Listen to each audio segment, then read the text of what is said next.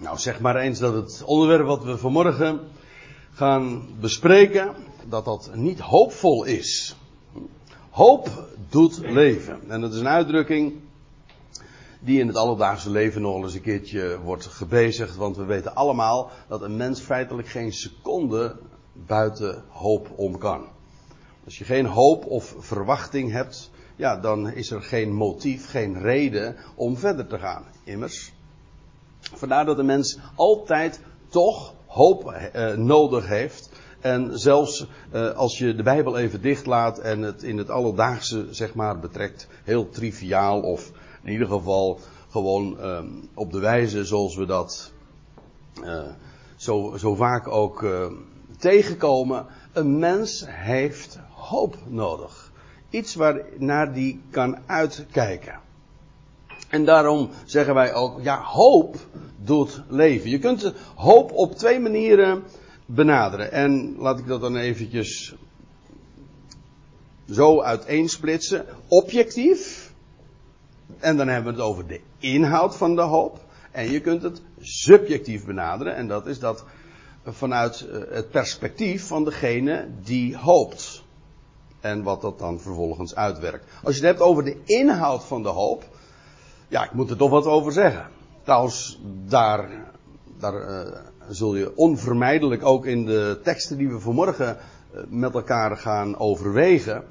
Daar komen we on. Uh, hoe zeg je dat? Daar kom je sowieso tegen. Waarom? Omdat je dat wat ons vandaag hoop geeft. Ja, dan moet je toch ook, uh, ook, spreken over de vraag van wat dan die hoop is. Dat is dus de objectieve kant van de zaak. En dan praat je, ja, dan kun je vragen gaan stellen over, over wie hebben we het? Voor wie is er hoop? Nou, daar gaan we het ook nog over hebben. Uh, maar trouwens, dan zijn er ook verschillende verwachtingen alweer. In de Bijbel, dan lees je over, over de verwachting over, die Israël heeft. De hoop van Israël. Dat is een specifieke uitdrukking die we nog in het boek Handeling ook tegenkomen. De hoop van Israël. De hoop voor de volkeren lees je over. Over de hoop van de Ecclesia, dat gezelschap dat vandaag verzameld wordt. Dat, zijn allemaal verschillende verwachtingen. Daar zijn, is ook weer een, een gemeenschappelijkheid. En, want dan heb je het over de hoop van, van alle mensen. Dat is, weer, dat is weer wat anders. Dat wat de, wat de verwachting uh, gemeenschappelijk is van heel het mensdom. Of de verwachting en hoop van heel de schepping zelfs. In al die gevallen spreek je toch over onderscheiden aspecten van die hoop. Wat is die hoop? Uh, waar is die gelegen? In de hemel of op aarde, in het land Israël? Uh, dat, dat zijn allemaal onderscheidingen die we in de schrift ook tegenkomen. En hoe? Hoe wordt die hoop gerealiseerd? En wanneer? Ook daarin is er, blijkt er dus uh, verschil in rangorde te zijn. Nou ja, al dat soort onderscheidingen van die hele, ja, laat ik zeggen, journalistieke vragen van wie, wat, hoe, waar en wanneer. Eh, die kun je allemaal uh, voorbij laten gaan als je, als je het hebt over de inhoud van die hoop. Van de verwachting. En ik gebruik die termen met opzet vanmorgen even door elkaar. Hoop en verwachting. En misschien is het toch wel goed om dat even kort toe te lichten. Kijk, het, het, mooie van het woord hoop is dat het per definitie positief is. Je hoopt altijd op iets goeds. En dat is het mooie van het woord hoop. Daar, daar staat weer tegenover dat het woord verwachting. Daar drukt, daar, daarmee druk je niet slechts uh, verlangen uit. Nee, daar druk je feitelijk geen verlangen mee uit, maar daar druk je zekerheid mee uit. Of in ieder geval iets waarvan je uitgaat dat gaat gebeuren. Ongeacht of dat leuk is of mooi of je daar naar uitkijkt. Ik bedoel, als ik zeg, ik verwacht dat het morgen uh, een zware storm gaat worden, dan hoop je dat misschien niet. Maar je verwacht het. Hè? Bijvoorbeeld uh, het, op grond van de weersverwachting, om, om maar wat te noemen. Dus voor beide begrippen is wat te zeggen. De hoop waar de schrift over spreekt, dat is inderdaad hoop. Iets waar je naar uit kunt kijken. En Neem me niet kwalijk, dat was ik nog vergeten te zeggen, want dat is trouwens ook een reden om het niet al te lang te maken vanmorgen. Omdat uh, mijn stem het de, laatste dagen nogal liet afweten. En gisteren had ik helemaal geen stem, of vrijwel niet. Dus toen zag ik er erg naar, tegenop om, uh, om deze samenkomst vanmorgen te beleggen. En het valt reuze mee. Maar goed, met dit handicap van een keer hoesten, moet u en ik het dan maar toch een keer doen.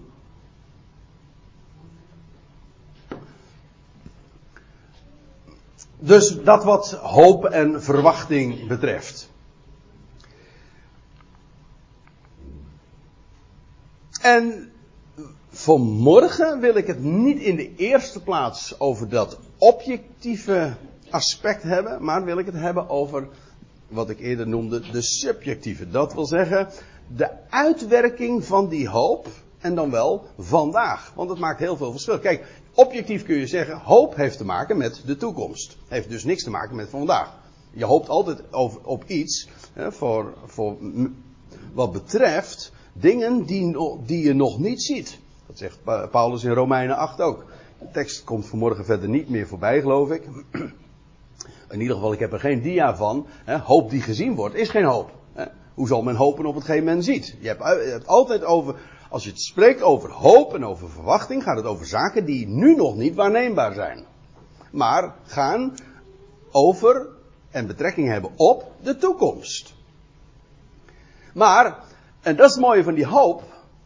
Die hoop gaat objectief gezien dan weliswaar over toekomende dingen. En over dat wat gaat gebeuren.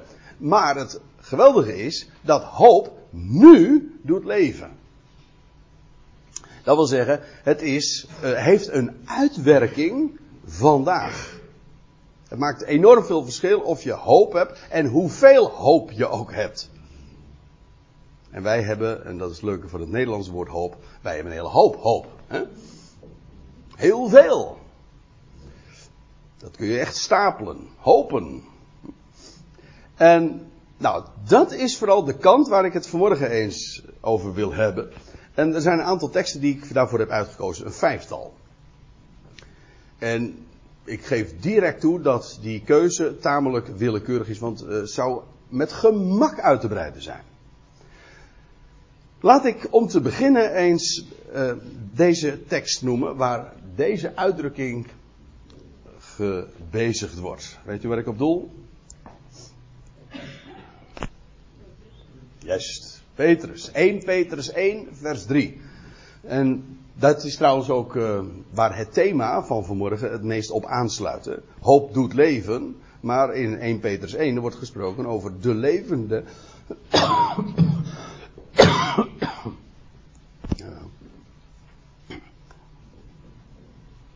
over de levende hoop.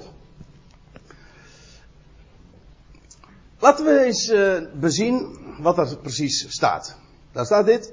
Uh, Petrus zegt dan, nadat hij zijn gebruikelijke groet en aanhef is, uh, heeft opgetekend, dan zegt hij: Gezegend de God en Vader van de Heer van ons, namelijk Jezus Christus. En dan vervolgt hij, die naar de grote ontferming van hem, hij is God en Vader. Hij is God, dat wil zeggen, hij is degene die alles plaatst, alles beschikt, alles gemaakt heeft, een plan heeft. Hij is God, maar hij is ook Vader van de Heer van ons, Jezus Christus. Ja, maar die God en Vader blijkt zich dus als een God en Vader te ontfermen over zijn schepselen. En die naar de grote ontferming van hem ons opnieuw verwekt. Uh, in de NBG-vertaling NBG staat, heeft doen wedergeboren worden. En dat wedergeboren of uh, verwekken. Het, grappige is in het, in, het, in het Grieks, is dat eigenlijk is het, dat woord wat daar gebruikt wordt, ons woord genereren. Ons woord genereren komt eigenlijk ook uit het Grieks, ja. En genereren, dat kan uh, slaan op het mannelijk aandeel, op het vrouwelijk aandeel in de voortplanting. Geboorte, dat is het vrouwelijk aandeel. De verwekking is het mannelijk aandeel. Maar het woordje genereren of doen genereren, ja, dat slaat op het geheel. Dus je, uh, die ons opnieuw, feitelijk zou je dat zo dus moeten weergeven, die ons opnieuw genereert, maar aangezien we het over de Vader hebben, kunnen, zou je toch zeggen van, dan moet je het hebben over verwekken. De Vader verwekt. Maar goed, eh, die ons opnieuw genereert, verwekt. En dat blijkt dan op, op voorhand natuurlijk te maken, te moeten hebben met nieuw leven. En dat is ook zo, want na de grote ontferming van ons, eh, van Hem, ons opnieuw verwekt tot in een levende hoop. Met andere woorden, Hij, hij verwekt in, of doet wedergeboren worden, want Kijk, het is sowieso waar dat ja, wij mensen, wij zijn eh, ooit geboren, verwekt, maar het praat hier over een, een nieuwe, ja, een nieuwe generatie, een nieuwe verwekking tot een levende hoop. Ik bedoel, wij zijn hier geboren om weer dood te gaan. Niet waar? Maar dit is een, een geboorte, een verwekking, een generatie, het gegenereerd worden, tot in een levende hoop. En daar moet je, moet je eens even goed bij, bij stilstaan en over nadenken. Een levende hoop. Dat is dus maar niet een hoop die doet leven, het is een hoop die levend is. En dat betekent dat je het maar niet over iets hebt, maar over iemand hebt. Iemand leeft. Nou, als je, het, als je daar zo letterlijk en heel concreet over doordenkt, dan kom je onwillekeurig uit bij, ja, bij wie? Bij Jezus Christus. Die leeft, ja, hij leeft, maar op een hele bijzondere wijze. Want je zou natuurlijk kunnen zeggen van ja, wij leven allemaal. Ja, maar dat is nu juist het punt. Wij zijn niet echt levend, wij zijn stervende. Hij leeft waarom? Omdat hij is opgestaan uit, vanuit de doden. Dat wil zeggen, de doden zijn daar verder nog allemaal achtergebleven. Die zijn nog steeds dood. Maar vanuit die doden is hij opgestaan. Door opstand, levende hoop. Hoezo? Wel door opstanding van Jezus Christus. Jezus Christus was namelijk ook een dode. Maar nu is hij levend. En daarmee is hij dus een levende hoop. Hoezo hoop? Wel, het feit dat hij is opgestaan is een garantie dat er nog velen gaan volgen. Hij is namelijk een eersteling. En omdat hij een eersteling is, de uitdrukking zelf uh, verwijst er meteen al eigenlijk aan naar dat, dat er nog gaan volgen. Ja, dat er een hele oogst nog gaat volgen. Dat is de Bijbelse gedachte. De eerstelingen van de oogst. De eerstelingen van de kudde. Of, nou ja, in, er wordt in velelei verband gesproken over, over eerstelingen. De eersteling is een aankondiging van wat nog gaat komen. Wel, deze Jezus Christus, hij was een dode, maar God heeft hem doen opstaan uit de doden. En nu heeft hij de dood achter zich. Hij leeft. En omdat hij leeft en een eersteling is, en een garantie dat de rest, wie dat zijn, daar heeft Petrus het verder niet over, maar wij weten elders vanuit de schrift, heel het mensdom gaat hem daarin volgen. Daarom is hij een levende hoop. Hij leeft. En het loutere feit dat hij leeft en de eersteling is, betekent dat hij zelf die levende hoop is. Dus dat gaat nog veel verder dan alleen maar uh, hoop doet leven. Dit is een levende hoop in de meest letterlijke zin van het woord. We praten over iemand die vandaag leeft. Ja, verborgen is, maar ja, zo begint alle leven, nietwaar? Verborgen. Als je in verwachting bent, eh, dan is. Ja, hoe begint dat? In het verborgene, onzichtbaar. Nou, ik kom daar straks denk ik nog eventjes op terug. Maar een, in ieder geval een levende hoop. En die hoop is verankerd in, in de opstanding van Jezus Christus. En ik gaf het in mijn gebed al even aan.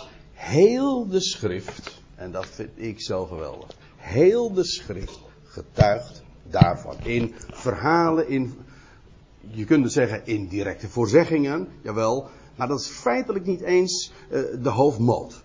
Het grootste gedeelte bestaat ook uit, uit allerlei andere verwijzingen in rituelen, in ceremonieën, in hoogtijden die, die zijn voorgeschreven. Maar wat dacht u van al die geschiedenissen? Ze spreken allemaal op de een of andere manier van hem die zou komen en die de dood zou overwinnen. Eerst verborgen, inderdaad.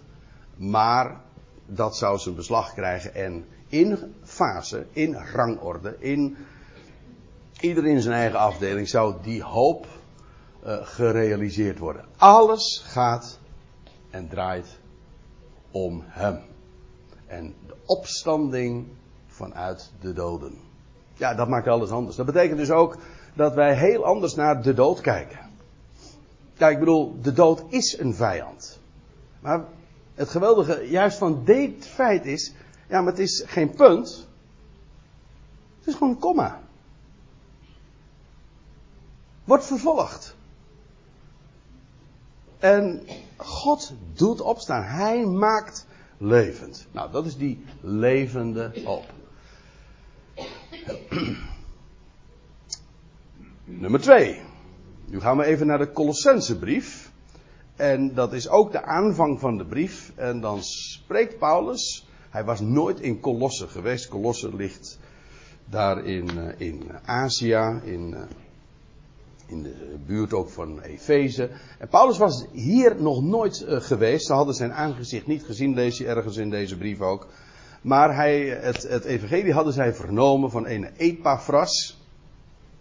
En dan, maar Paulus was het een en ander over hen ter oren gekomen. En dan zegt hij, horend van het geloof van jullie, namelijk in Christus Jezus. Zo'n typische Paulus term.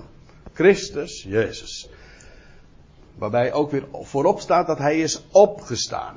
Jezus verwijst naar die naam die die mens hier op aarde had. Christus verwijst naar de titel die aan hem is toegekend in zijn opstanding. Dat staat voorop. Zo kende Paulus trouwens hem ook. Paulus kende die Jezus niet. Hij wist wel dat het Jezus was. Saul, Saul, wat vervolg je mij? Was het toch? Wie zijt gij, Heer? Uh, ik ben Jezus, die jij vervolgt. Maar hij, hij had hem leren kennen als de Christus, de, de gezalfde, de uit de doden opgestane. Horend had, zegt Paulus, schrijft Paulus dan van het geloof van jullie in Christus Jezus. En dan zegt hij iets opmerkelijks achteraan. Hij zegt, en de liefde, agape, dat is die onvoorwaardelijke liefde. En de liefde die jullie hebben voor al de heiligen. Nee, ja, voor al. Dat betekent niet. Uh, moet je, dat zijn twee woorden, hè? niet vooral de heiligen. Maar dat is trouwens ook op zich nog waar. Maar voor al de heiligen. Ongeacht wie. Degene. U weet het, hè? Degene die vandaag hem mogen kennen, hebben een, zijn apart gezet. Zijn apartelingen. Ik bedoel, het grotendeel van de wereld kent hem niet. We zijn eerstelingen, we zijn apart gezet. En, en die kolosses die hadden een liefde voor al de heiligen. Waarom? En dat is nou zo bijzonder. We lezen verder in vers 5. Vanwege de hoop. Die weggelegd wordt voor jullie in de hemelen. Hier zie je, jullie, dat zijn die, al die heiligen. Het gaat hier dus over een specifieke hoop die de heiligen vandaag mogen hebben. En, dat is, en die hoop, die is weggelegd, die wordt weggelegd daar in de hemel. Veilig bewaard. Die is daar waar Christus nu ook is. In het verborgene. Aan de rechterhand Gods, daar is ons leven. En dat is daar weggelegd. Het wordt allemaal ook uitgewerkt in, in dezezelfde brief. Maar het gaat mij nu eventjes om, om die uitwerking van de hoop. Wat doet hoop? Ja, leven, maar hoop doet ook, eh, nou zeg ik het even oud-Nederlands, hoop doet ook lieven. Zo zeggen we dat niet meer, maar vroeger zou men dat zo kunnen zeggen. Het waren, ik, ik moet denken aan zo'n lied. Ik, ik weet niet meer waar die staat. Het ware leven, lieven, loven. Is slechts waar men Jezus ziet. Dus nou, tekst, eh, dat is uh, taalgebruik zeg maar van 150, 200 jaar geleden, denk ik. Het ware leven, lieven, loven. Eigenlijk, het zijn eigenlijk dezelfde woorden, alleen het klinkt verschillend. Hè? Alleen de klinkers zijn anders. Leven, lieven, loven. En ik vind het prachtig, want leven en liefde is zo vanuit het Nederlands uh, ja, feitelijk nog hetzelfde ook. Hoop doet leven, ja, maar hoop doet ook. Ja, wat is leven? Nou, dat is wanneer je de liefde ook kent. En, maar even terug naar die tekst. Hij zegt: uh, Jullie hebben geloof, Christus Jezus, daar had hij, had hij van gehoord. En ze hadden liefde voor elkaar, voor al de heiligen. Dus dat was niet gebaseerd op het feit dat ze elkaar aardig vonden. Heeft er niks mee te maken. Ik bedoel, er is niks mis mee. Ik bedoel, de een staat je aan en de andere misschien wat minder. En dat is sympathie of dat is een bepaalde, ja, een bepaalde band die je met de een wel hebt. Maar die liefde waar het hier over gaat, die heeft niks te maken met voorwaarden of de eigenschappen in de ander. Maar dat heeft te maken met het feit, die ander is door God geliefd. En, en er is een hoop voor, voor ons als heiligen weggelegd door hem in de hemelen. En juist, moet, moet, je, moet je zo even over doordenken. Dat is eigenlijk heel bijzonder. Als je. Je bent geroepen. Je mag hem kennen. En je weet. Met elkaar delen wij diezelfde toekomst. Ja, heb je daar iets aan gedaan? Helemaal niet. Dat is een, een verwachting die hij je geeft. Hij heeft zijn plan. En hij heeft voor ons een hoop weggelegd in de hemelen. Die delen we met elkaar. En als je op die manier naar elkaar gaat kijken, ja, dan zie je iets heel anders. Dan kijk je dus niet meer naar die ander op basis van het verleden, want dat is meestal de manier waarop wij naar elkaar kijken. En ook trouwens, waar, voor zover we een ander lief hebben, dan is dat uh, omdat we ja, eigenschappen in die ander ontdekt hebben uit het verleden, die ons wel aanstaan, en daardoor is, die, is die connectie er. Nee, het gaat hier over niet een liefde op, op basis van het verleden, maar juist vanwege die gemeenschappelijke toekomst. En zo naar elkaar. We gaan straks, we gaan straks die toekomende ionen met elkaar beleven. God heeft een taak voor ons weggelegd. En die voor ons. Gewoon om niet aan mij gegeven, aan u, aan jou. En die delen we met elkaar. En, en zo naar die ander te kijken wij delen dus diezelfde toekomst. En die hoop, dat is de hoop, die hoop maakte hier bij de Colossus dat ze elkaar lief hadden.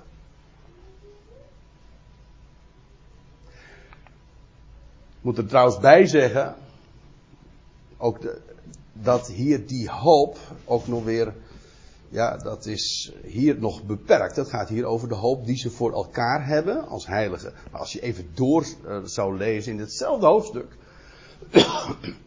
het woord hoop komt uh, in de, in de Colossensebrief drie keer voor.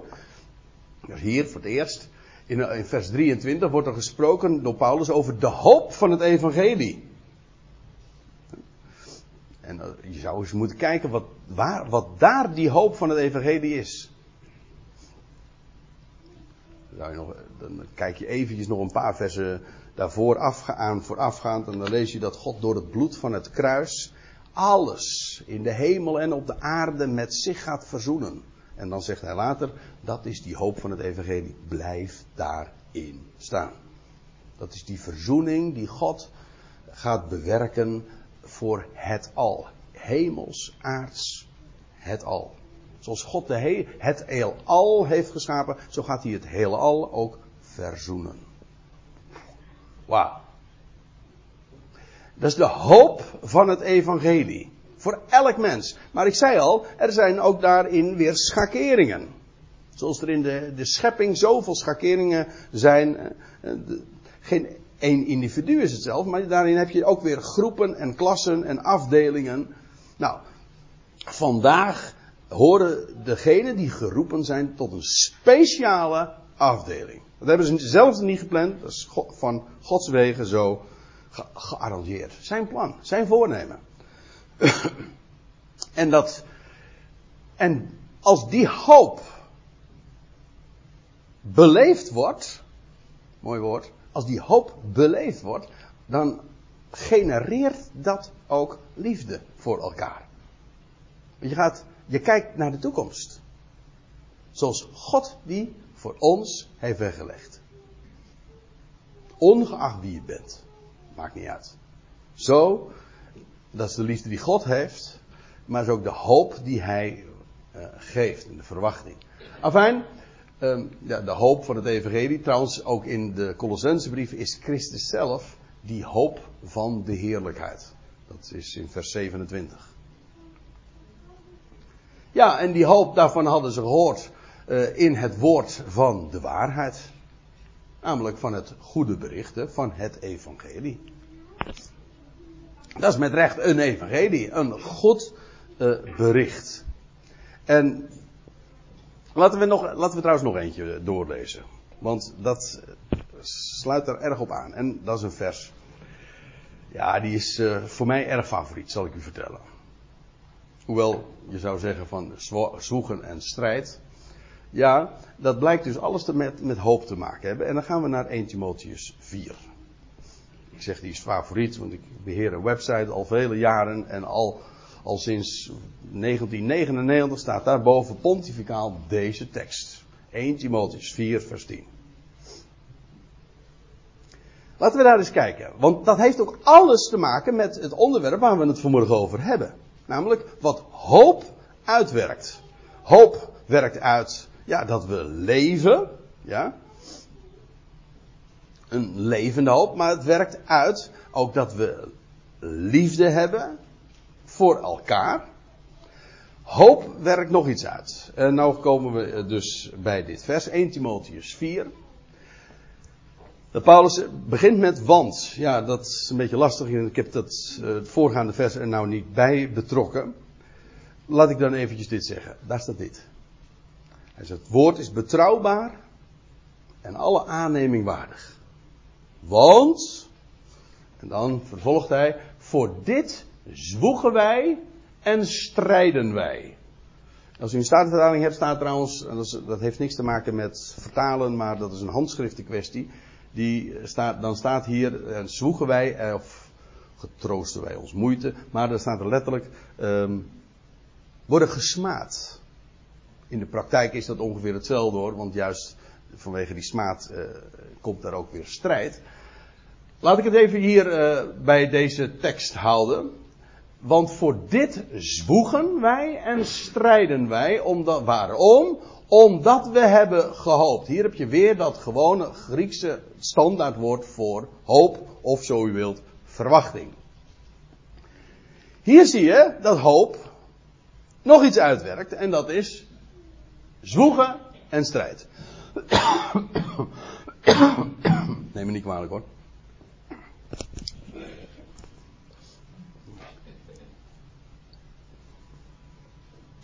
En die is mooi. En er komt er nog iets bij, omdat we hebben gehoopt, ja op wie? Op de levende God. Hier gaat het niet eens zozeer over wat er gehoopt wordt, maar op wie we hebben gehoopt. En op God, jawel, maar wie is die? Hij is de levende God. En wij hebben al vaker uh, opgemerkt, uh, in, uh, in diverse schriftpassages, dat als de Bijbel spreekt over de levende God, dan is het de God die leeft en leven verwekt. Hij, trouwens in 1 Timotheus 6, moet u maar eens nakijken, ergens in het slot, ik weet niet precies het versnummer, maar dan lees je over de God die allen, die allen levend maakt. Daarom is hij de levende God. Die leven wekt. Paulus zegt, voor dit zwoegen en strijden wij. Waarom? Omdat we hebben gehoopt, onze verwachting hebben gesteld op een levende God. Een God die dus leven verwekt. Nou, laten we gewoon eerst even doorlezen, voordat we het geheel nog even bezien. Die een redder is van alle mensen. Vooral van gelovigen. En we hadden het zojuist over, ja, dat er een specifieke verwachting is voor de gelovigen vandaag. Dat is waar. Het geweldige hier is natuurlijk, en dit is echt de clue van het evangelie. Dit is de clue van het evangelie. We hebben een levende God. En als je de levende God kent, mensen, en daar je hoop op vestigt, dan weet je, Hij redt alle mensen. En ja, Hij redt alle mensen. En nou zeg je, maar hoezo zwoegen en strijden dan? Dit is toch namelijk, het is toch geweldig goed bericht. Ja, nou, dat is het ook. Dat is op zich geen. Om, als je dat vertelt, is dat geen zwoegen en strijden. Dat is gewoon, je, je deelt iets mee. Ja, maar doe het maar eens. Op het moment dat je daarvan vooruitkomt, weet u wat de klacht dan is? Het bezwaar. Voor degenen die dus niet geloven. Dat is te mooi. Of te makkelijk. Te groots om waar te zijn. En wat krijg je dan? Verzet. Ik bedoel, het is zo'n onmiskenbare hoop en verwachting. Zo groot, zo alomvattend. Hij redt alle mensen. En feitelijk, eh, eventjes tussendoor. Wat dat redden dan is, dat blijkt eigenlijk al uit dat bijvoeglijke naamwoord wat er bij God gebruikt wordt. De levende God. Hij, hij is de levende God. Hoe redt hij dan? Wel door leven te wekken. Oftewel, door de doden levend te maken. Door alle mensen levend te maken, redt hij ze. Namelijk van de dood. Alle mensen gaan dood. Ze zijn stervelingen. En hij gaat alle mensen levend maken. Waarom? Hij is een levende God. Van wie? En voor wie? Nou, hij is een levende God die alle mensen redt. Want dat is wat de uitdrukking toch echt betekent.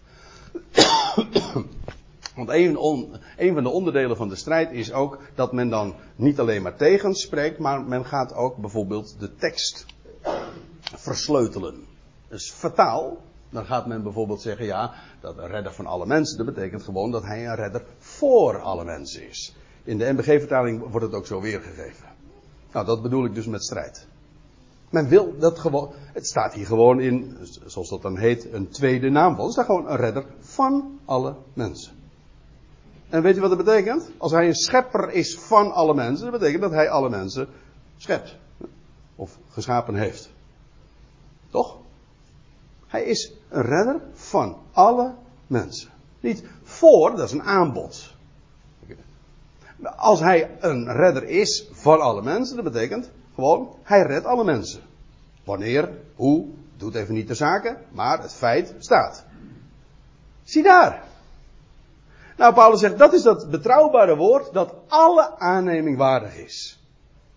En daarom, uh, hij heeft zijn hoop gevestigd op de levende God. Die een redder is van alle mensen. En vooral speciaal van gelovigen. Degene die dat mogen aanvaarden. Want dit is een geweldig goed bericht. Maar niet iedereen gelooft dat. Dat is waar. Maar speciaal voor degene die vandaag daar overtuigd worden van die waar, is dat een verdienste? Wel nee. Het is, als God je ogen daarvoor opent en je zegt met hart, amen. Dat is geloof. Als je daarvoor uitkomt, en dat is wat Paulus doet, deed, ik bedoel, hij heeft, uh, hij ging de oceanen over, zeeën uh, bevoer hij, hij, hij ging uh, naar diverse werelddelen en altijd bracht hij die boodschap. En waarom, als je nou de vraag stelt, waarom had Paulus zoveel uh, moeite, zoveel strijd, zo, waarom werd hij gesmaad, waarom werd hij tegengestaan? Hier vind je gewoon direct het antwoord. Daarom. Is de reden. Dus je kunt nog meer redenen daarvoor aanvoeren, of die, die daar uh, mee verband houden. Maar hier staat gewoon heel expliciet het antwoord op de vraag: waarom zwoegde Paulus nou eigenlijk? Want ik heb ook mensen gehoord die zeggen: nou, als dat waar is, waarom zouden we dan nog het evangelie vertellen? Dan zou je Paulus moeten vertellen. Dit is een evangelie. Hij, hij is een redder van alle mensen. En dat is de moeite waard om te vertellen.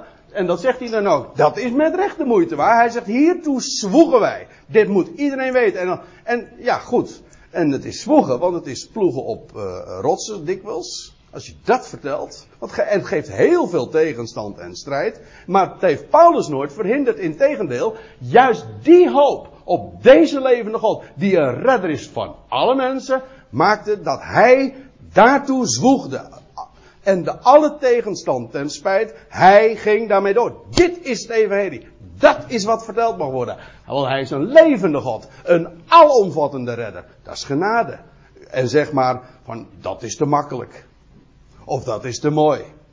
Maar hij is de levende God. En juist dit karakteriseert hem. Hoe hij is. En dit is precies wat het evangelie evangelie maakt. En als je zegt van ja, maar. En mensen zeggen dan, dit is te makkelijk. Ik vind juist in dit licht het uh, zo mooi. Vertel het maar eens een keer. Ik denk, dat er zijn heel veel mensen die zeggen van het is te makkelijk. Maar weet u waarom? Omdat ze die strijd er niet voor over hebben. Dat, dat is heel ironisch. En dat klinkt zelfs heel tegenstrijdig, maar het is echt zo. Het is wel makkelijker om met de meute gewoon mee te lopen. Paulus had trouwens die strijd, en dat is het laatste wat ik erover zeg. Die strijd had hij vooral van godsdienstige zijde. Die zeiden, die hadden dat bezwaar. Die hadden die tegenstand. Ja, de Romeinse overheid maakte zich daar niet druk over. Die, die, die haalden hun schouders daarover op. Ook van filosofische zijde. Maar van godsdienstige zijde was daar vooral die strijd.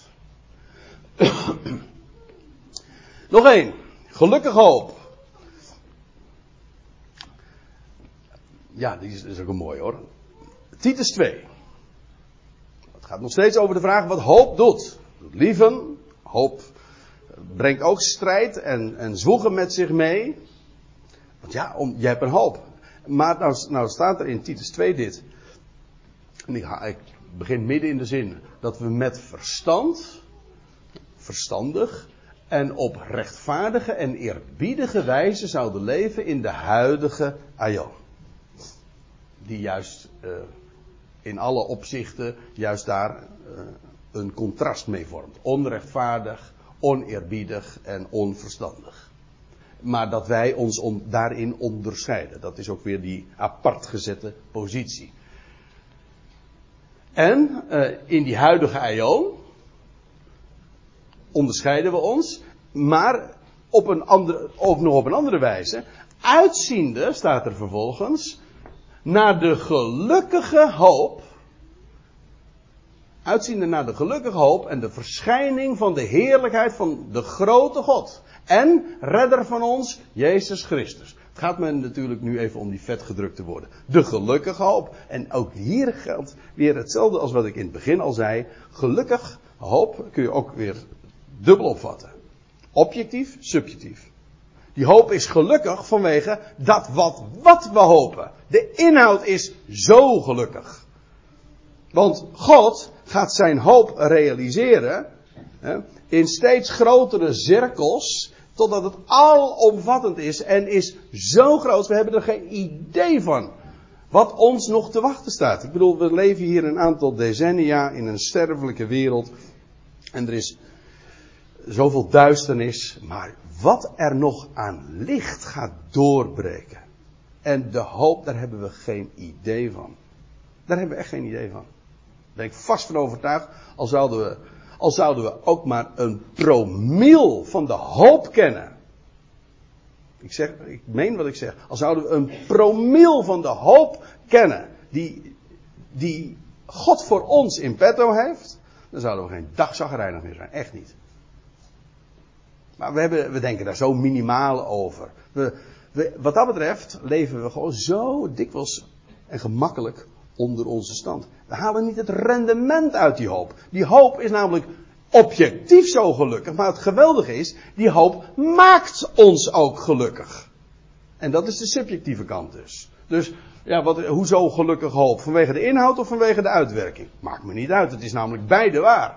Het is, een het is een hoop die ons nu al zo gelukkig maakt. Vanwege de we verwachten die verschijning van de heerlijkheid van de grote God. En, en ook de redder van ons, hè? Jezus Christus. Maar dat, dat is wat er gaat komen. De heerlijkheid van de grote God, dat gaat verschijnen. Een gelukkige hoop. De laatste. Want ik kijk zo af en toe toch even naar mijn horloge. En die moet ik toch even in de gaten houden. We gaan naar nummer 5. De laatste. Vreugde en vrede vanwege de hoop. En dat is een tekst waar ik u naartoe wil nemen. eh, dat is in Romeinen 15. En dat is een mooie. Dat is echt zo mooi. Over, over wat hoop is. Ik, ik heb hem expres ook voor het laatst bewaard. Misschien wel een van de mooiste teksten over wat je over hoop kunt zeggen. Vooral ook over wat hoop uitwerkt. Daar staat dit. De God echter van de hoop. Wat, hoezo de hoop? Hij is niet alleen God van hoop in het algemeen, maar hij is de, de God van de hoop. En dat, dat verwijst ook direct terug naar het, het eh, voorgaande.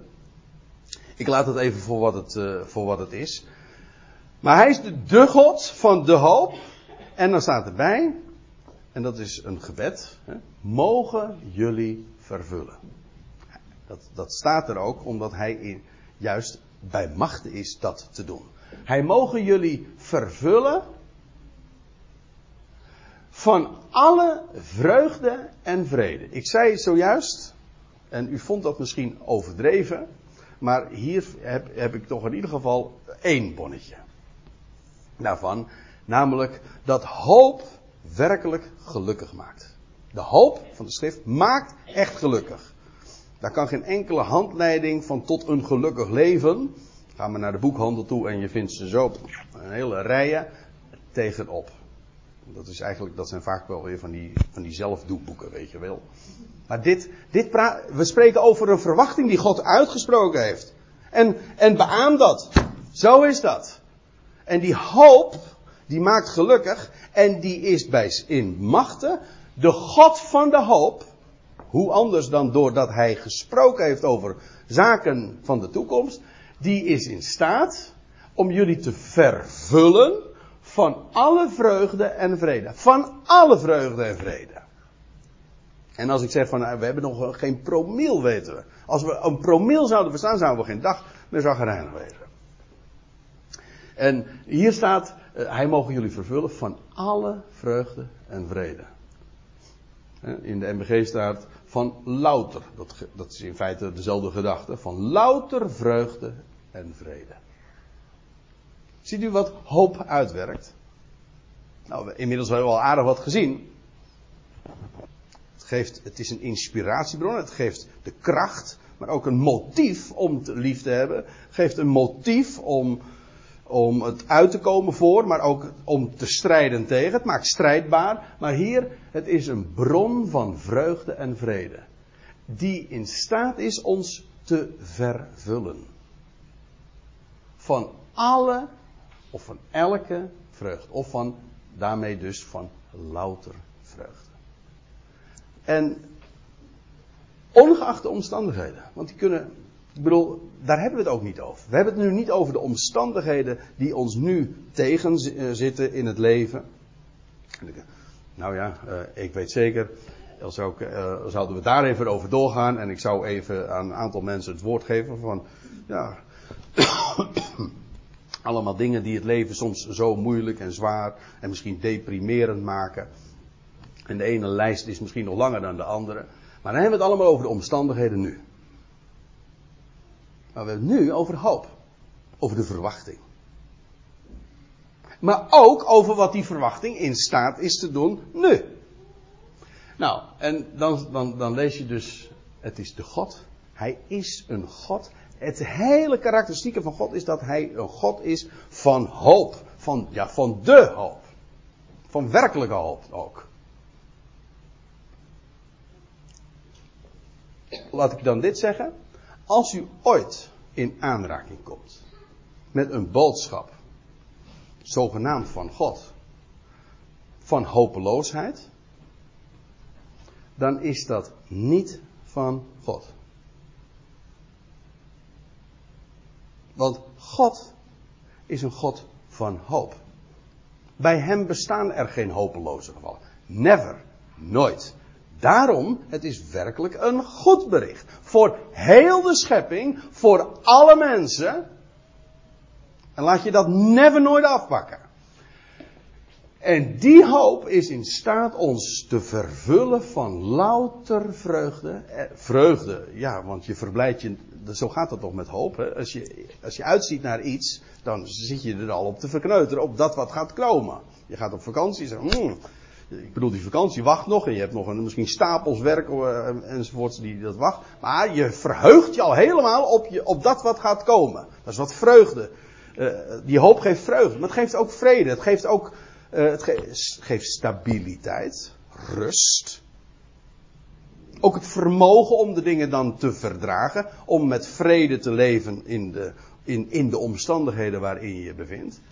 Louter vreugde en vrede. In het geloven, want feitelijk hoop en geloof is hetzelfde. Wie, want je vertrouwt de God aangaande de toekomst en daarmee heb je hoop. Dus dat is eigenlijk broertje en zusje. Juist omdat je hem gelooft, hem vertrouwt, heb je hoop. Van alle vreugde en vrede in het geloven, om jullie overvloedig te doen zijn. In de hoop. Leuk hè? Er wordt eerst gesproken over vervullen en dan vervolgens over overvloedig te zijn. Vond u dit al, vond u dit al zoveel? Vervullen van louter vreugde en vrede. En dan gaat, dit gaat nog verder om overvloedig te zijn. In de hoop. Ik probeer me dat zo concreet mogelijk voor te stellen. Vervuld wil zeggen dat je er helemaal vol van bent. Overvloeiend wil zeggen dat je ervan overloopt. Maar ook dat is in het Nederlands heel makkelijk, want dat begrijpen we allemaal. Want iets waar je vol van bent, daar loop je van over. Volgens mij is overvloedig van de hoop, wil zeggen, ja, je kan het niet voor je houden. En we hadden het net in het begin over in verwachting zijn. En uh, elke moeder weet wat dat betekent. Je bent in verwachting en dat kun je verzwijgen. En dat moet je soms ook nog even verzwijgen. Maar daar moet je echt moeite voor doen. Je hebt namelijk de neiging, omdat je er vol van bent, erover te spreken. Nou, zo werkt hoop. Hoop, ja, dat, dat geeft je licht, dat gaat, laat je stralen. En uh, het, het, zorgt, het, het maakt ook, het vervult je ervan en daarom vloei je er ook van over. Het gaat borrelen. Hè? Dat is het geweldige wat, hier, wat de God van de hoop in staat is te doen. Vervullen van vreugde en vrede in het geloof. Om overvloedig te zijn in die hoop. En dat is, er staat erbij in de kracht van, of in het vermogen, dynamisch, in het vermogen van Heilige Geest. En feitelijk is dat ook weer zijn woord, want zijn woord is geest en leven en hoop en kracht. Maar dat geeft ons die kracht. Ziet u, en daarmee wil ik afsluiten, ziet u wat hoop allemaal doet en uitwerkt. Ik vind het geweldig om te spreken over, over de inhoud. Maar ik vind het ook geweldig om te, eh, te weten dat die hoop met recht doet leven en lieven en vervult en doet overvloeien van louter vreugde en vrede. Wat een God. En wat een goed bericht. Amen.